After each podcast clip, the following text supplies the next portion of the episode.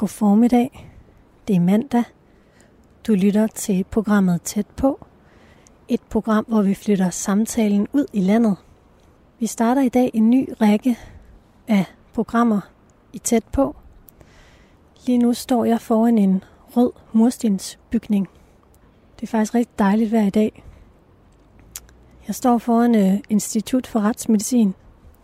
Jeg er taget hertil, fordi det er et sted, vi potentielt alle sammen kan komme i berøring med. Det kan være en, vi kender, skal opdoseres. Det kan være, vi selv i sidste ende skal opdoseres. Det er et sted, der er finansieret af vores skattekroner. Så derfor så tænkte jeg, at det ville være fint at prøve at belyse, hvordan det egentlig er at være retsmediciner. Hvad arbejdet består i, og hvorfor man laver de her obduktioner. Lige om lidt skal jeg ind og mødes med Erling Laversen. Han er retsmedicinsk tekniker, og han har en ret fascinerende historie om, hvordan han er endt med at blive det. Og den vil jeg gerne høre ham fortælle. Nu vil jeg gå ind i, i bygningen her, for forhåbentlig at blive klogere på, hvad retsmedicin er for noget.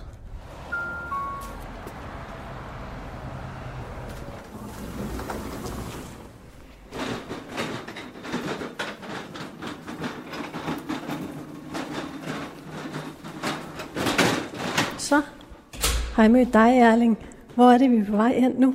Vi er på vej i kælderen øh, her på Retsmedicinsk Institut. Det er, nu går vi ned til her, hvor vi modtager Line som det første, men vi får lige en tur rundt i, i den kælder, hvor vi tilbereder mest af tiden, når vi opdoserer. Kan jeg egentlig lige få dig til at præsentere dig selv? jeg hedder Erling Laursen, og jeg er retsmedicinsk tekniker, og jeg har været her på instituttet siden 2011, så ni år snart. Og jeg er yngste mand. Sidst tilkommende.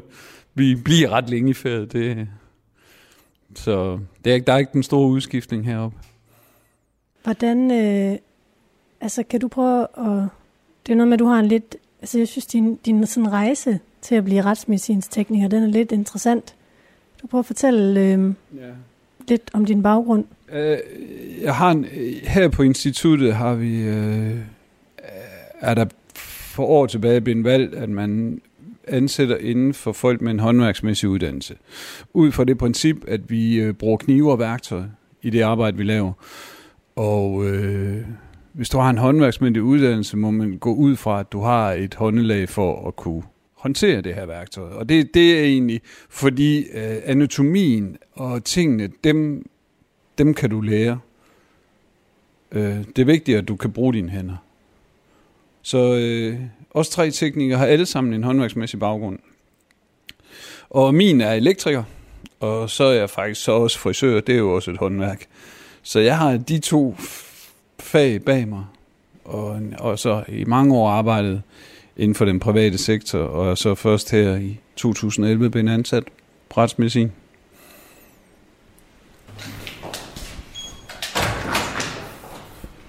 Og der skal jo gange her. Ja. Og så kommer man ikke ind. Det er varmeudtagelsen, eller det er i hvert fald her, vi modtager line. Det er en ambulance, engang kalder vi den her. Øh, som du ser, er der en port. Og morsbilerne ved fald, de har jo en, øh, det er jo en kassebil. Og øh, der kan ligge to lige i sådan en. Og de er i, jeg ved ikke hvor mange, Falk har måske en 8-9 biler i det område, hvor vi dækker. Og det er jo så fra ned fra Christiansfeldt og så op til Skagen. Og det er politikreds. Det eneste, vi ikke har i Jylland, det er øh, Sønderjylland. Ellers så dækker vi alle politikreds op til Nordjylland. Men øh, Faldis er jo så dem, der øh, kører line for kapel og hertil. Typisk er det fra et kapel, hvor der har været et ligesyn, og så bliver de kørt herop til os. Og det er et ligesyn, der foregår mellem typisk en øh, politimand og embedslægen for den pågældende kreds. Men Erling, nu, nu, nu vader du jo bare herind, som om det var din egen stue. Ja. Det er jo sådan lidt, der er jo lidt specielt herinde. Altså, det var lidt sådan, wow, da de kom herind. Der er meget koldt her, og så står der sådan en masse... Ja. Hvad kalder man dem der? Jamen det her er, øh, det er de vogne, eller det er jo bare en vogn med en aluminiumsbakke, hvor liget bliver modtaget. Og øh, det er dem, vi køber kører dem rundt på. De står inde i køleren, inde i vores morg. Der ligger de på de her bakker her. Og det er et håndterings- og hygiejnespørgsmål. Altså, der kan jo godt sive lidt for sådan et lig. Og der kan jo være huller i. Så, øhm, så det, det samler sig her. Vi har så sådan et sejl her på dem her. Altså egentlig, så ser de sådan ud, når modtager den. Plastikken, det er den hygiejniske del af det, for at det sejl ikke bliver svinet til. Men det der løftesejl kan vise dig inde i vores scannerrum. Det ligger de i, for at vi kan hæve dem over på, øh, på øh, scannerlejet.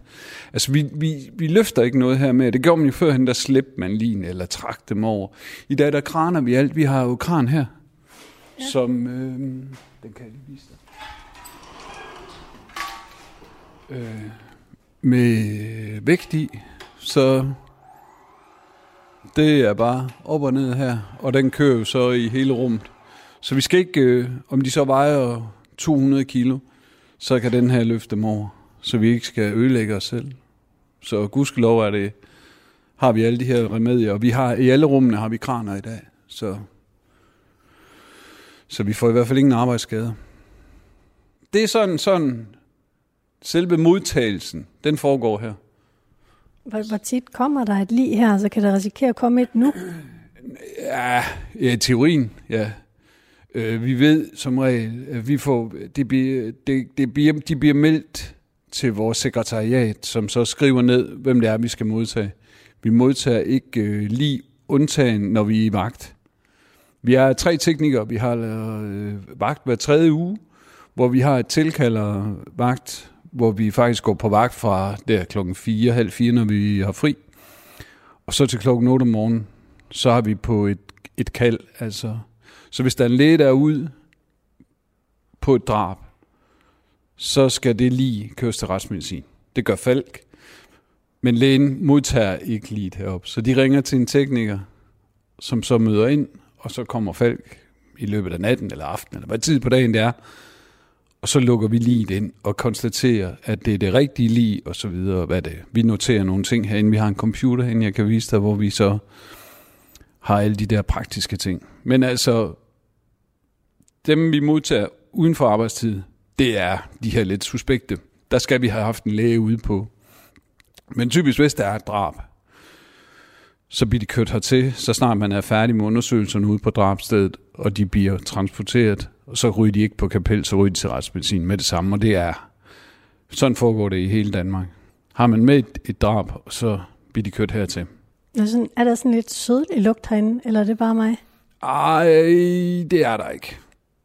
Der er ikke en, øh, en lugt af lige. Det er, hvad vi skal ja. Ja, vi kan gå lidt videre. Nu er vi øh, her, hvor der, der står de ekstra vogne, når vi, når vi har travlt, så er, der jo, så er det måske ingen her, så står de alle sammen inde i kølerum, det her i morgen. Men her foregår al den praktiske, når vi modtager, så bliver det hele skrevet ind i computer, og vi er enormt. Noget af det, vi skal være opmærksom på, det er, at tossedlen er rigtig. Tossedlen skal være på. Vi noterer os løse effekter, der ligger på livet. Og det er jo fordi, den døde kan jo ikke sige, hvem de er, eller hvad de har med, eller så for at der ikke skal forsvinde ting og sager, og vi ikke og vi lige pludselig står med en manglende identitet, så er vi nødt til at være enormt påpasselige med alt med tossedler. Vi tager ikke øh, tossedler af lige, øh, og det er ud fra det princip, at de, de skal blive på hele tiden, så vi er helt klar over, hvem det er, vi har med at gøre. Så, men der kan jo ske fejl i den for det der. Det sker også nogle gange, men vi får da løst det. Det er ikke som, vi skal til at grave nogen op. Når vi har modtaget dem, så er det næste, der sker, det er, at de skal ind i scanneren. Og sidste år fik vi en ny CT-scanner, så alle lige bliver scannet i den her øh, Canon øh, scanner. Så, og det er faktisk også en øh, teknikeropgave at scanne lige. Så kan man sige, det er da mærkeligt, det er jo radiografer og radiologer, der gør sådan noget, men altså, det er vi så blevet oplæret, optrænet i til at kunne scanne de her. Så den betjener vi, og den bliver så også lånt ud til andre afdelinger af Aarhus Universitet, så det er jo et dyrt instrument, så, men, øh, så der bliver scannet lidt af hvert i den her. Men øh, hovedsageligt døde mennesker. Ingen levende. Og den suser. Det er det, der larmer her. Den køler. Det køler. Så øhm, den står bare der. Den har nok været op og køre i dag, eller et eller andet. Men den kører ikke hver dag. Altså, vi er jo ikke, det er jo ikke ligesom over på, øh, på rynken, hvor de kører hele tiden de der scanner. Det gør vores ikke. Så den holder lidt længere end deres. Vi, øh, vi kan gå hen. Ja. Det er kontrolrummet. Alt, alt her er blybeklædt for, på grund af stråling. Ja. Altså vægge og døre og sådan noget. Og vi lukker selvfølgelig herind til, fordi at de stråler, den udsender, er jo kraftfremkaldende. Og hvis man skal gå derind, så er der de der blyflorkæder. Men øh, vi går ikke derinde, fordi det er der ingen grund til. Og her er det så, at det foregår. Ja. Der, vi kan jo godt lige varme den op, hvis der nu kommer nogen. Men øh, jamen, den er, der er i hvert fald nogen, der har tændt den, så der er nogen, der har været nede og lave et eller andet. Jeg tror nu ikke, der kommer noget i dag, men man ved aldrig. Nej. Hvordan sådan, du siger, når der er travlt? Altså, hvor mange, altså, så kan der være sådan lige i kø, eller hvad? Jamen, i, jamen der, kan, der kan godt være, mod, vi godt modtage seks en eller anden morgen, eller fem, eller... Altså, vi har haft 50 obduktioner i januar, så det kan du så gange ud. Det har så faktisk også været en ret travl januar i forhold til sidste år, eller så vi, vi ligger omkring de der 350 obduktioner om året, men så, så kan du se, at januar i år har været lige... Hvis det fortsætter, så skal vi ind på 600. Det, det tror jeg ikke. Håber jeg ikke. Så får du travlt. Det gør vi. Nu starter den med varme. Det er simpelthen øh, rørene inde i øh, CT-scanneren, der, der skal varmes, inden at man, øh, inden man scanner. Så hvis der kommer nogen, så er den varm. Ja. Så har vi startet den op. Ja. Herude der sidder så en radiolog, og de kommer her tirsdag og fredag. Og det er jo også en læge, og de har jo øh, de har forstand på at se på de der billeder. Så det er ret vigtigt, hvad der bliver. Det scanneren viser, det ikke- de er utroligt, hvad de kan se på de der scanningsbilleder der. Men det sidder der så nogle specialister og sidder på. Skal vi gå videre? Ja. Der er et skelet. Og det er et i plastik. Hvad siger du? Det er et i plastik. Ja. Øh, så kunne vi jo godt lide, hvis vi nu ikke, typisk når vi, øh, vi modtager den oftest dagen før, at vi obducerer om eftermiddagen. Så når vi har scannet den, så kan vi mind, så har vi morgen. Er det her inde ved dit... Altså, ligger de herinde? Der ligger de inde. Og der, som du ser, er der fire herover og fire på den anden side. Det er mest, når vi har nogen, der ligger længere tid, så er de ID'er, altså ident- identifikation. Øh, det kan være folk, der er fundet på havets bund, eller er brændt, eller er ugenrådne, ugenkendelige. Og så er vi nødt til at have dem identificeret via enten tænder eller DNA. Hvis det er ude i DNA, så skal det over til København, til genetikerne, og de, øh, altså, det, det tager tid at finde. Øh, så vi har nogle gange haft nogen, der har ligget øh, længe. Simpelthen, og det kan jo også være en udlænding, en, jeg kan huske, det var en kinesisk mand, der lå længe, inden de fandt ud af, hvem det var. Vi gør meget ud af at finde ud af, hvem det er.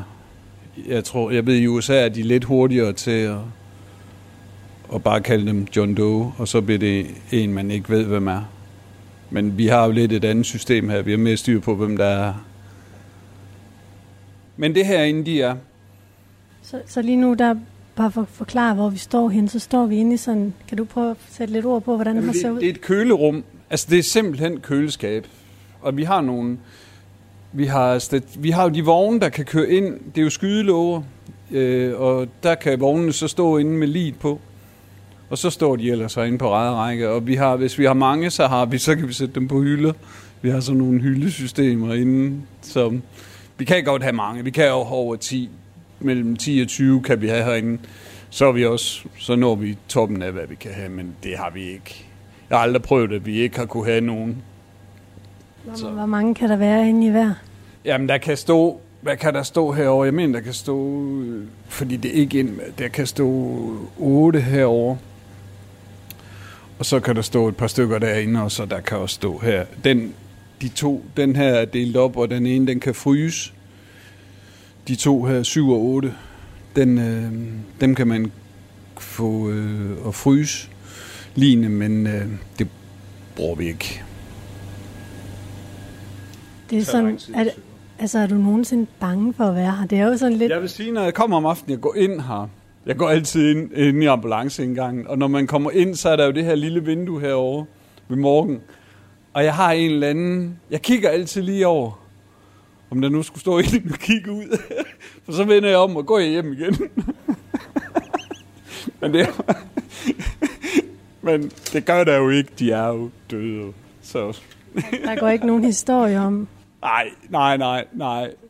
Altså, nej. Det spørger jeg her ikke. ikke indtil videre. Ikke indtil videre, ikke. Nej, det gør det ikke. Øh, så synes jeg, vi skal gå ind på sektionsstuen. Ja. Vi har en... Øh, vi har, vi kan lige prøve at åbne her. Vi har den store sektionsstue, og så, hvis vi går ind til her, så har vi sektionsstue nummer et. Den her kalder vi, det kalder vi stinkestuen. Og det er altså fordi, at nogle gange så får vi nogle lig, der har ligget rigtig lang tid. Og de er, kan jo både have fluelarver og alt muligt. Og så får vi ikke har det over det hele, så har vi sådan en enkelt stue her. Og det bruger vi til det. Så det er ikke altid så hyggeligt at arbejde derinde, men det skal jo gøres. Så, så har vi en stue, der er lavet til dem. Og så den store, som er her, det er den, vi bruger mest. Øh. Og der er så fire helt fuldstændig identiske arbejdspladser øh, med et leje til liget, hvor de kommer til at ligge lige her. Så er der et organbord. Det vil sige, at her der piller vi organerne ud, og så bliver de løftet herover, og så står lægen her. Og så kigger de efter dødsårsager, sygdom, alt det de skal se efter. Det er meget det er meget standard, hvordan vi gør tingene. Vi gør tingene altid i samme rækkefølge og stort set ens hver gang. Om det prøv, prøv at fortælle, hvad dit arbejde består i, når du er herinde. Herinde, altså jeg assisterer lægen med øh, den retsmedicinske undersøgelse, altså obduktionen. Øh, og mit arbejde er at åbne den pågældende, altså skære op og tage organblokken ud, og så øh, under selvfølgelig i et, øh, i et samarbejde med lægen, fordi hvis der, der kan godt, øh, i det vi går i gang med sådan en obduktion, er, er vi opmærksom på blødninger og sygdomstilfælde. Og, så, øh, så vi står sammen, og, og, og, men det er mig, der, der piller blokken ud. Og så når blokken er pillet ud, så går lægen i gang med at dele den op. Hvad siger du nu? Blokken? Altså, hvad er det? Blokken, det er jo, øh, det er jo lunger og mavesæk, altså hele organet fra tungen til, ja, rektum. Vi piller det hele ud. Det kan, den kan komme ud i en. Men det skal man også så lige vide, hvordan man gør. Og hvordan bliver man øh, retsmedicinsk tekniker? Altså, du siger, man skal have en håndværksmæssig baggrund, men hvordan, altså, du kan jo ikke bare lige finde ud af at tage sådan en blok ud af et menneske. Nej, det, øh, vi har sidemandsoplæring. Der er ikke nogen uddannelse. Vi, der, vi er... Øh, nu skal jeg se, jeg tror hvis de er blevet fået bevilget en ekstra mand i København. Jeg mener, de er seks eller syv i København, og vi er tre her og to i Odense. 11-12 stillinger i Danmark som retsmedicinsk tekniker, det kan man jo ikke rigtig lave uddannelse på. Så det er sidemandsoplæring, man bliver simpelthen lært op af de mennesker, du skal arbejde sammen med. Det er, først kigger du, og så prøver du, og så tager du skridt for skridt, indtil du, og det tager, det tager flere år at blive god til. Kan du, kan du, få, kan du huske den, din første obduktion? Øh, ja, altså jeg, da jeg startede her, havde jeg, jeg har aldrig set en død. Så den første dag, da jeg var nede og se en obduktion, hvor man ser et, et menneske blive, ja, få den obduktion der, det, det er selvfølgelig en, en ret voldsom oplevelse, og noget man sådan lige, det tager lige lidt. Man skal lige snakke og gøre noget for at få det bearbejdet, og det, det går der i hvert fald de første måneder med, øh, at, at det er meget grænseoverskridende, og det, der er nogen, der ikke kan holde til det, og som falder fra. Men øh, det bliver det arbejde, som alt muligt andet. Og så har man heller ikke, på et tidspunkt har du heller ikke behov for at snakke om det længere, fordi det ligesom bliver hverdag. Men i starten, der, der har man lige behov for at komme af med noget. Men det er jo lidt af et, et spring sådan fra frisør og elektriker til at blive retsmedicinsk tekniker. Hvordan kan det være, at du tænkte, at det var det, du skulle? Ej, det var det er tilfældigheder. Øh, simpelthen, en, jeg var, øh, gik, jeg var arbejdsløs på det tidspunkt, da jeg ser annoncen, og øh, ja, søger jobbet, og er heldig at komme til samtale, og er heldig at lande jobbet til sidst. Så det er rent og skal det ikke en drengedrøm at komme ind. Jeg vidste ikke, det her eksisterede. Jeg har aldrig tænkt over, at der var nogle mennesker, der, der lavede et arbejde som det her, men øh, det, der endte jeg i hvert fald. Men hvad siger man til sådan en jobsamtale, altså når man ikke rigtig ved, altså når man aldrig har set en død, og man ikke rigtig dybest set ved, hvad det drejer sig om? Jo, I jobannoncen står der jo heller ikke rigtigt, hvad det er, du skal, for det kan de ikke beskrive. Så det bliver jo sådan lidt, øh, nu må du prøve det, og så må du se, om du kan. Og hvis ikke du kan, så må du stoppe. Altså, det er næsten sådan, det er. Og de har jo ikke, altså du, du har jo ingen forudsætninger, når man som håndværker, så ved man jo ikke, hvordan man reagerer i forhold til den her slags arbejde. Så det er jo en tre måneders prøvetid, hvor man kigger hinanden an, om man, om man nu passer ind, og om man kan hele taget kan holde til det her. Så, men jeg har hørt om folk, der har måttet springe fra. Så, som tekniker. Så. Nu siger du, at, det, at der er mange ting, altså når man sådan ser og med til sådan en obduktion første gang, er der mange ting, man ligesom skal have bearbejdet bagefter. Hvad var det for nogle ting, du havde brug for at snakke om? Jamen, jeg tror bare, det er selve obduktionen. Altså, det, det kan være ret, virke ret voldsomt. Og det, jeg tror egentlig, det er mest det, man, man ligesom har behov for lige at fortælle lidt om. Altså at snakke igennem, simpelthen. Fordi det er, det, det er lidt voldsomt. Det, det kan godt se voldsomt ud. Hvad du siger, at der er nogen, der springer fra. Altså nogle teknikere springer fra. Hvad skal man være for et menneske for at være god til det her job? Du skal kunne lægge det fra dig. Du skal ikke, altså du skal jo ikke vågne op eller drømme om det, eller have meget rigt om det her. Øh, jeg ved jo ikke, hvordan de mennesker, der har hoppet fra, hvor, hvor, hvad der har været. Øh, men altså, når jeg tager hjem, så tænker jeg ikke mere på det her. Det gør man lige de to første måneder. Og, og så skal det være specielle sager. Selvfølgelig er der jo sager, som som godt kan som man godt lige kan have lidt i baghovedet, og hvis det har noget med børn at gøre. Sådan noget. Det er selvfølgelig lidt en anden. Det er, ikke så, det, er, det er jo ikke særlig sjovt. Der er ikke noget her, der er sjovt. Det er jo alle sammen ulykkelige tilfælde. Men når det involverer børn, så skal man, øh, man skal skulle øh, kunne abstrahere fra, altså se det som et arbejde, og lade være med at tage det ind under huden. Det lyder koldt og kynisk, men du er simpelthen nødt til at distancere dig fra det, der sker, og så koncentrere dig om at finde den dødsårsag og gøre det så godt som muligt. Og så skal du ikke, øh, du skal passe på, hvor meget du lukker ind. Hvor meget du vil læse papir. Vi får jo alle papirer. Du kan jo lade være med at læse øh, tingene helt igennem, hvis du synes, at det har du ikke behov for at vide.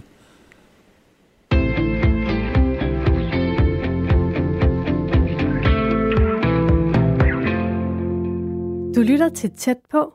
Jeg fortsætter min samtale med retsmedicinsk tekniker Erling Laversen på den anden side af nyhederne. Du lytter til Tæt på på Radio 4, og jeg er i øjeblikket på Retsmedicinsk, eller Institut for Retsmedicin, og jeg går sammen med Erling Laversen, der er retsmedicinsk tekniker. Og du vil give mig en rundvisning hernede i kælderen. Ja. Kan man sige, det er dig, der sådan står for det grove arbejde? Ja. Ja. Jamen, det er jo alt det tunge arbejde. Det er jo at modtage line og, og tage organerne ud og sy dem sammen og løfte dem over og sørge for, at de kommer ud af huset igen. Og, så al logistik her med de døde. Du fortæller, at du godt kan huske din første obduktion. Var det herinde i det her rum? Ja, det var det. Kan du prøve at tage mig med tilbage til, til den dag? Oh. Hvor stod du henne? Kan du huske, da du kom ind? Jamen, det har været en af de to pladser i midten her. Og så kan jeg huske, det var en kvinde. Øhm, tss, og det var, øhm, ja, Var det morgen, eller? Ja, ja, det var morgenen. Noget trafik, noget. Og øhm, ja, det var... Hun så meget sådan... Man, hun er ikke sådan nogle voldsomme skader, men, men øh, så, så stod jeg jo og observerede, mens øh, en kollega til mig og en læge lavede den her obduktion. Og øh, ja, så dagen efter, så tror jeg allerede, at jeg fik lov til at starte med at sy. Det er det første, man begynder med. Inden du begynder at lave selve ekskviserationen, altså det at skære op. Så øh, det er det første, du går i gang med, når man typisk der begynder at lære at sy. Men hvad tænkte du sådan? Kan du huske, hvilke følelser du havde i kroppen, da du så det her lige første gang? Jamen, jeg tror, man bliver så... Blæ- Jamen, det tror jeg, man bliver bare blæst om kul. Altså, det er så overvældende, så man, jeg kan ikke mindes, anden, øh, at det var voldsomt, men ikke øh, noget, jeg tænkte, det kommer du aldrig til. Men man måske bare tænker, okay, det er det, jeg skal til. Så, men øh, det er, øh, det, det, det, det er en... Øh, det er en grænseoverskridende ting. Hvordan ser sådan et dødt menneske ud?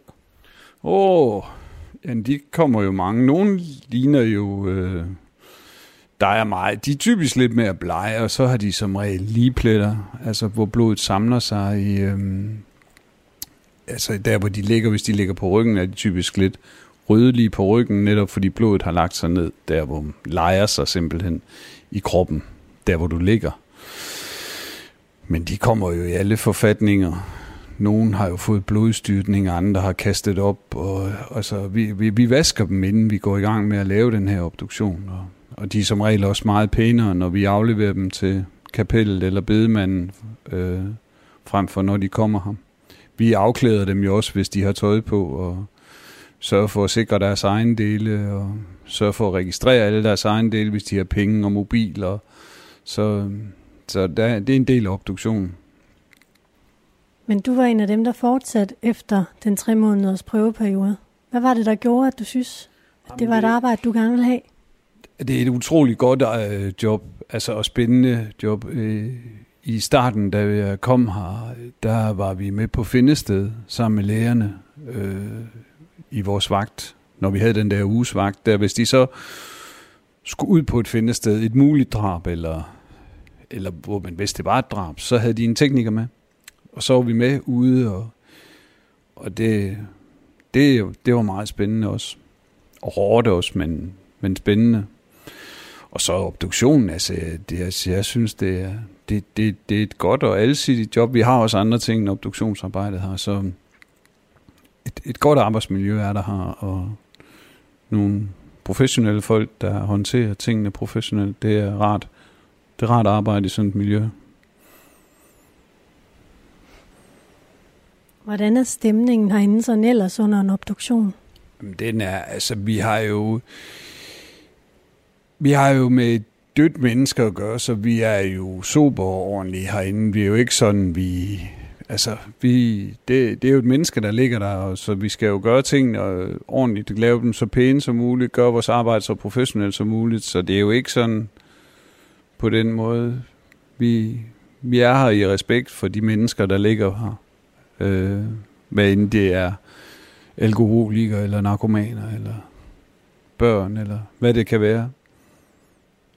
Du er både med til obduktioner, hvor der er mistanke om noget kriminelt, men også helt almindelige, altså afdøde. Jamen, her er det faktisk, øh, man kan sige, vi har ifølge en eller anden gammel lovgivning, så obducerer man narkomaner i Danmark. Og det er for at følge narko. Men udover narko, så er det, så kan det være, det kan også være lægefejl for hospitalet, men ellers så er det drabsmistænkte. Det er tit og ofte lige for at være sikker på, at der ikke forekommer noget kriminelt, at man vælger at foretage en obduktion. Det kan være omstændighederne, den døde er fundet på, eller den omgangskreds, den døde har, eller et trusselsbillede et eller andet sted, der kan gøre, at man vil være sikker på, at han eller hun ikke er blevet slået ihjel. Det er, der er mange obduktioner, der er sådan. Vil du prøve at vise mig nogle af de redskaber, du bruger, når du arbejder? Vi kan gå ned til en plads, som er dækket op måske, hvis Jan har dækket op. Altså så går vi ind på drabstuen. Der er ikke dækket op her. Vi kan gå herind. Nu er vi i drabstuen. Du kan godt se, der er et andet lys. Ja, der er sådan blåt, hvidblåt. Dagslys, Per. Det er fordi politiet er med til alle obduktioner herinde. Næsten. Øh, typisk fordi, at det skal bruges i en retssag.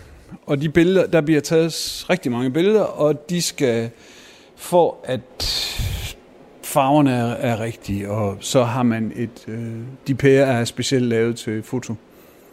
Så derfor så er det lidt kold belysning, kan man sige, i forhold til den anden. Men øh, de billeder, du får ud af det, er mere øh, rigtige i farverne. Så det er i hvert fald så er det en større, det er, den er, der, der er mere plads, vi som regel, vi kan være 5-6 mand herinde, altså en læge og en tekniker, og så kan der være kriminaltekniker og en efterforsker, og altså der kan være en 3-4-5 politifolk, alt efter sagens omfang, og ja. Men du siger, det er drabstuen. Ja, det øh, altså, er det fordi I er sikre på, at dem, der kommer herind, de er blevet dræbt, eller Nej. Der er også nogen, der ikke er blevet dræbt, men øh, dem, som man i hvert fald ved er blevet slået ihjel, de kommer herind. Men de der, der er meget mistænkte sager, hvor man, også fordi at herinde, der er vi så sikre på, at vi ikke får DNA for alt muligt andet. Altså, når man har flere obduktioner på samme stue, så er vi, vi, vi er mere sikre på, at vi, vi er i hvert fald ønsker ikke, indtil der er lavet nogle aftøringer, og man har DNA-sikret, så, så, øh, så vil man ikke have tingene mixet sammen. Så derfor har vi den her stue for sig. Jeg siger lige noget til lytteren igen her. Du lytter til tæt på på Radio 4. Jeg står lige nu inde i en drabstue sammen med Erling Laversen på Institut for Retsmedicin i Aarhus. Og øhm, i den her uge går vi tæt på rets, retsmedicin. Og du er ved at give mig en rundvisning hernede, Erling, i ja. kælderen. Ja. Hvis du vil se, hvad det er, vi bruger. Ja. Vi har altid dækket op det havde vi så ikke helt lidt med siden af, men det er fordi, det ikke er blevet gjort nu. Men ellers, vi dækker op, så vi er klar. Dæk, dækker op? Det dækker op. Okay. Jeg ved ikke, om jeg skal beskrive det her opdækning. Her er to knive og en sprøjte her. Den her kniv er obduktionskniven. Det er en PM-kniv, Pors Motem. Den er faktisk lavet til lige nøjagtigt vores arbejde. Og så er det her, det er en øh, brødkniv, der er forkortet. Den bruger vi til at save sternum op med. Hvad er det? Altså ribbenene. Det lyder lidt voldsomt. Den her er til at opsamle urin. Nakkeklodsen er til at lægge under liget. Her kan hovedet være i den her skål her. Og når vi har, hvis vi ikke lige er hovedet, vi skal have gang i, så skubber vi den ind under brystkassen, så de ligger på den på ryggen for at hæve brystkassen op. Det gør obduktionsarbejdet nemmere.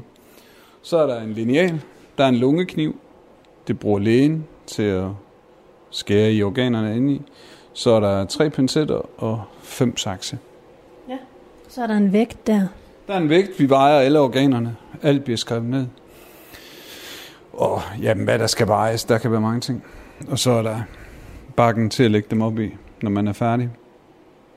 Og alt er af stål, sådan meget blankt og rent. Det hele, ja. ja. Det er hygiejnemæssigt jo det er nemmere at ringe, det, vi skal jo være sikre på, at vi ikke øh, har noget, hvor der kan samle sig DNA og øh, hvad vi nu har med at gøre. Så. Er det også dig, der går rent bagefter? Vi tager det grove. Øh, det, der, selvfølgelig er der jo blod, og desværre så hvad der kommer inden fra kroppen af fæses og ting og sager, urin. Og øh, vi, vi skyller det af groft Altså sørge for, at der ikke er noget, og så kommer der et rengøringsteam og og gør rent efter os, så det er helt i orden til næste obduktion. Så kan du se alle prøveglassene herovre. Det er der er noget væske nede i... Øh, ja, det er formalin. Vi tager nogle små snit af lunger og hjerte og hjerne. Og så der bliver taget sådan nogle små ting, og så har vi nogle glas, hvor vi samler lidt blod og urin. Det bruger de op i kemien. Det er typisk til alkohol eller stoffer. Det er ikke altid. Ved narkomanerne, der kan det jo godt være svært at finde dødsårsag. Den finder de nogle gange i retskemien, hvor de kan se, at der er en koncentration af et eller andet dødeligt. Så vi tager nogle ting ud, som vi gemmer til kemi. Der er også kran med vægt. Der er kran, som sagt, i alle, alle rummene. Lige kran? Eller organkran? Nej, øh, til, det er til den døde, så vi ikke skal løfte dem over på det leje midt i rummet her. Så har vi sådan, og vi har den der grappen, til den står inde ved siden af, som vi kan hugge på, så vi ikke skal løfte dem. Og det er arbejdsmiljø, så vi ikke ødelægger os selv på det her, for ellers så, så gør med. De gamle teknikere, de, ja, de fik typisk skulderskader og rygskader af at stå hernede og slæbe rundt på de døde. Det er godt, jeg har hørt sådan et lige, det skulle være ret tungt at slæbe på. ja, det kan stødvægt. Er der andet sådan uh, hernede, Erling, vi skal se? Ja, kisterum. Ja. For eksempel. Ja. Eller vi har måske... Øhm, herover har vi jo så nogle... Vi har nogle opvasker. De to her opvaskemaskiner, som vi også bruger til, til rengøring, og det er, at de vasker med så varmt, så det bliver også det bliver mere eller mindre steriliseret herinde. Det er jo, så det er sådan nogle professionelle nogen. Men det er jo stort set, så herhen har vi et stingskab, der står de der formaliner og sådan noget, det står selvfølgelig under luft, fordi det er giftigt. Ja. Så det, det skal have stå herinde i det skab der. Så har vi, nå jo, jeg kan vise dig. Kraniesaven. Hvad er det? Ja, ja den bruger vi jo til. det ser lidt voldsomt ud, vil jeg sige. Den bruger vi til at, og, altså kraniet, når vi skal have hjernen ud, vi tager hjernen ud af folk, så skal den her, den kan så save. Kranie, den kan vi save kalotten af, simpelthen. Kraniesav, kalder du den det? Ja. Det er det så faktisk bygget, den er lavet til gips, når folk har et gipsben. For den, når den her, den sker, så sker den ikke i huden. Den sker kun det hårde. Det samme foregår det ved knoglen, at den, øh, den kan skære igennem knoglen, så vi kan komme ind og pille hjernen ud, uden at vi lederer, og uden vi selv kommer til skade på den. Så øh, det er det, den er til. Det meste af det værktøj, vi har, er jo egentlig ikke lavet til vores branche. Det er så vi er nødt til at gå ud, hvis vi skal bruge et eller andet værktøj, så er vi nødt til at gå ud og kigge, hvad findes der? Og vi har jo som sagt skruemaskiner og forskellige ting og sager, som vi bruger øh, i vores arbejde. Så øh, det er en lille branche, der bliver ikke rigtig lavet specielt værktøj.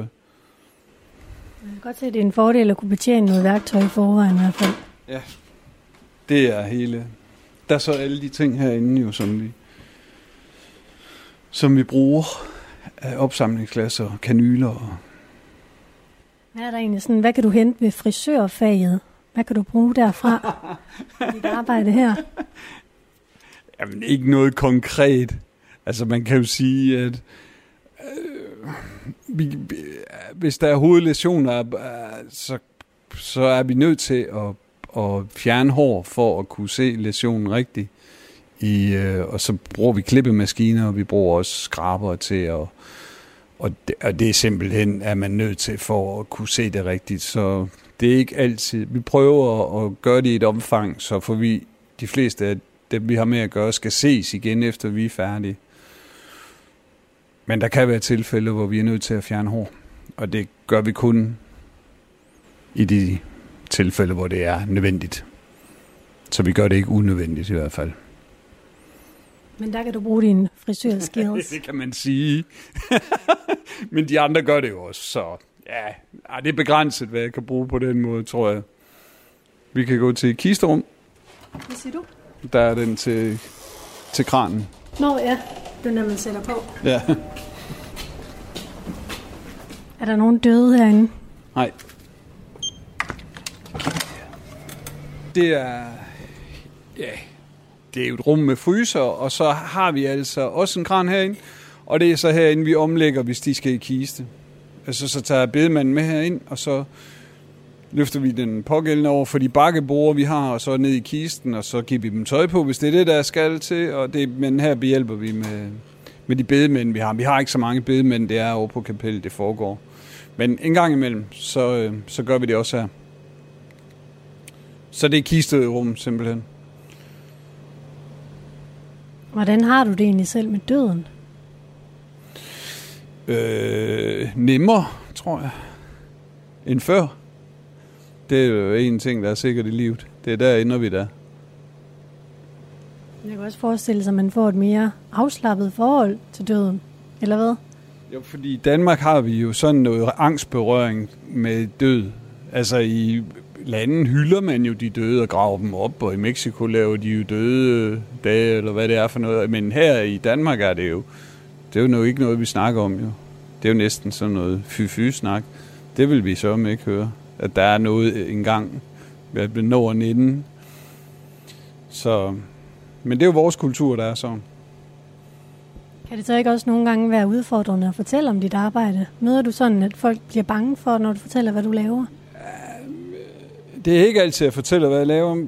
Altså, hvis jeg ikke ønsker at snakke om det her, jeg kommer i et selskab, der ikke kender mig, så kan jeg godt finde på bare at sige, at jeg er tekniker ved Aarhus Universitet og så behøver jeg ikke, fordi jeg ved, hvis jeg begynder, eller det kan oftest være sådan, at hvis man først begynder at fortælle, at man er på retsmedicin, så, så er der nogen, der gerne vil høre.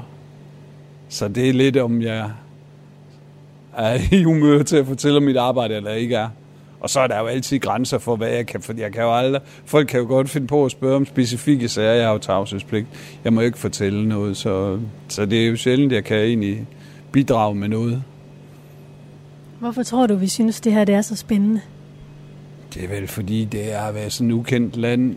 Nu er der jo blevet lidt mere fokus på retsmedicin, og måske også tilfælde af de her forskellige amerikanske serier og danske serier, som også har den retsmedicinske del indover. Så er det måske der, der er blevet noget belysning på, at der findes nogle mennesker som os, der laver det arbejde. Måske det er der, at den interesse er kommet at de senere år. Det var kisterummet. Så har vi måske det sidste rum her, jeg kan vise dig. Ja, du kan godt se antropologi. det er spændende. her ligger der... Ja, hvad ligger der her, Erling? Det er antropologi, det er, det er kranier, der er jamen, førhen, altså de gamle, de fleste af dem er rigtig gamle. Men det er typisk øh, drabsager og altså kriminelle sager.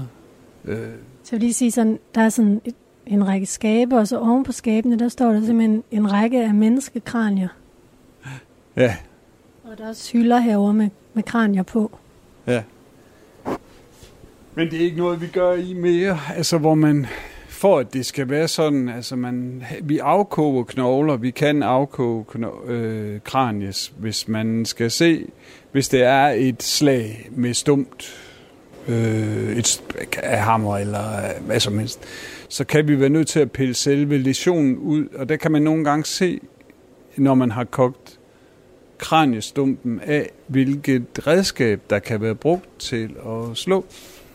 Og hvis man har en specifik hammer, kan man faktisk nogle gange simpelthen se, at det er pågældende stykke værktøj, der, der kan være brugt. Så det er igen, hvor man har behov for at kunne i en, i en retssag og kunne i en form for bevisførelse. Er du med Så, til at koge de der kran? Det er en kollega til mig, der gør det, men øh, det er også vores job. Det er at afkloge de her knogler her. Men hele kraniet, det er, ja, det er ikke sket i min tid, vi har kogt et helt kranie af. Nogle af de kranier, der her, det er også, kan også være noget, der er skyllet op i havet. Det sker jo af til fra kirkegårde fra forskellige steder. Der dukker kranier op, eller andre menneskeknogler. De ender heroppe ved os, hvis det er i vores distrikt, eller i København og Odense. Og så er, den, så er der nogle gamle, altså igen, det er jo nogle, nogle gamle, nogen der er noget skudhul, tror jeg, er noget, man har pillet ud i et hjerte. og der, ja, der er sådan nogle forskellige ting og sager her i, som er ja, meget gamle. Det man gør det ikke med at gemme sådan nogle organer og putte dem i de glas der. Men det var antropologi. Ja. Der er også et helt barneskelet her. Hvad siger du der der? Et, sked, et spædbarnskelet. Det er nok 60-70 år gammelt eller noget. Det er gammelt. Men det er i hvert fald et, øh, et fosterskelet måske. Det er meget lille. Ja, så, det er godt nok. Så nogen får I forhåbentlig ikke ind. Øh, jo, foster, jo. Altså, det kan jo være de helt små. Der er jo et syndrom, der hedder shaking baby, altså, hvor et spædbarn godt kan dø af at blive rystet rigtig voldsomt. Og det er, kan jo være forældre eller folk, der... Så vi ser det jo. Det er ikke et ukendt fænomen, at spædbørn dør. Det kunne jeg forestille mig, det var noget af det, der var det træls at tage med hjem. Ja. Sidste rum, det er hvor... Her har det, hvis vi har pårørende, og vi skal fremvise en død, det kan vi gøre. Øh, vi gør det ikke så tit. Bruger det også lidt til noget undervisning. Men øh, det er kloakken, der lugter, vil jeg sige. Jeg tænker, jeg skulle lige sige, har en helt anden lugt herinde øh, men øh, ja, så typisk kører vi den døde ind her, så kommer de pårørende, de må, kan ikke bevæge sig i den her del af kælderen, men de kan komme herfra. Og så sætter vi den op og tænder lidt sterinlys, og det er jo altid en sørgelig situation, når folk er sørgende. Så, så får de lov til at kan sige farvel herinde, hvis det er behov for det. Det kan være nogle sager, hvor vi er nødt til at beholde dem i drabsager, eller i, der kan være sager, hvor vi har dem i længere tid. Og der skal vi selvfølgelig have en mulighed for, at de pårørende kan komme og se. Så det her, det foregår. Er det, også, er det også her, de bliver kørt ind, hvis de ligesom skal sige, ja, det er, det er min bror, eller det er min... Ja, ja. det er det. Genkendelse, ja. ja. Det er her. Fordi det er ligesom lavet til, at, at man kan med den røde sofa derovre, sådan, så det, det er ikke så sterilt og så klinisk herinde, det er sådan mere. Og så netop det med lys, at man lige kan tænde nogle lys, så man kan gøre det lidt hyggeligt er forkert at bruge, men ordentligt. Ja, der hænger også et, et maleri på væggen, og der står nogle blomster på bordet. Ja. Hvad er der inde i skabene? En håndvask og skabe. Vi bruger det til lidt undervisning. Vi har jo lægestuderende, der skal undervises i ligesyn, og så, øh, så bruger vi typisk det her rum. De skal lære og mærke dødstivhed og sådan noget. Og der bruger vi de obduktioner, vi har til undervisning. Ja. Der kører, også, der kører blæser over det hele. Vi skifter utrolig meget luft, især inde på sektionsområderne. Vi har nogle kæmpe udsugningsanlæg, som gør, at vi virkelig flytter meget luft ud. Så, men det kan også lugte lidt, så det er fint. Hvordan lugter sådan et dødt menneske? Oh, det er meget forskelligt. Det kommer jo an på, om de er ved at gå i forhold Altså typisk er man jo, når man dør, så starter nedbrydelsesprocessen, og nedbrydelsesprocessen gør, at der er nogle gasser, der kommer ud af munden, og, altså, og de bliver oppustet. Hvis de ikke har været opbevaret koldt, så kan mavesækken være meget oppustet, fordi tarmsystemet, det er jo der, hvor det hele forholdelsen, den startede, det er jo tarmsystemet. Og så det kan godt hæve op, og det lugter selvfølgelig lidt. Det er ikke noget, altså. Når man er vant til det, så er det ikke... Det er ikke noget, vi gør noget for smøre kamp for under næsen eller noget, det gør vi ikke i. vi tager det sure med det søde.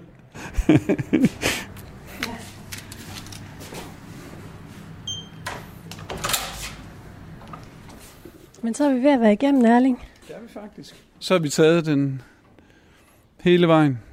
Fra den ene ende, fra modtagelsen og til de er færdige, stort set. Tak for rundvisningen. Selv tak.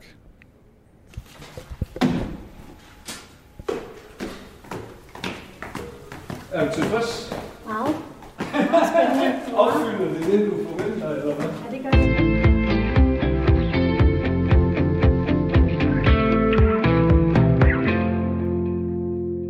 Du har lyttet til programmet Tæt på hvor vi i den her uge zoomer ind på Institut for Retsmedicin ved Aarhus Universitet.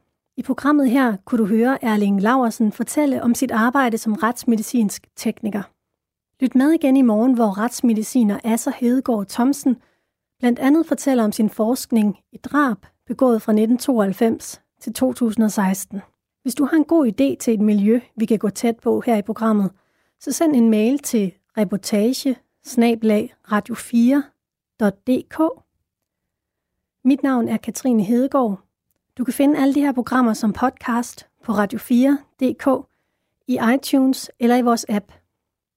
Tak til Institut for Retsmedicin, og tak til dig, fordi du lyttede med.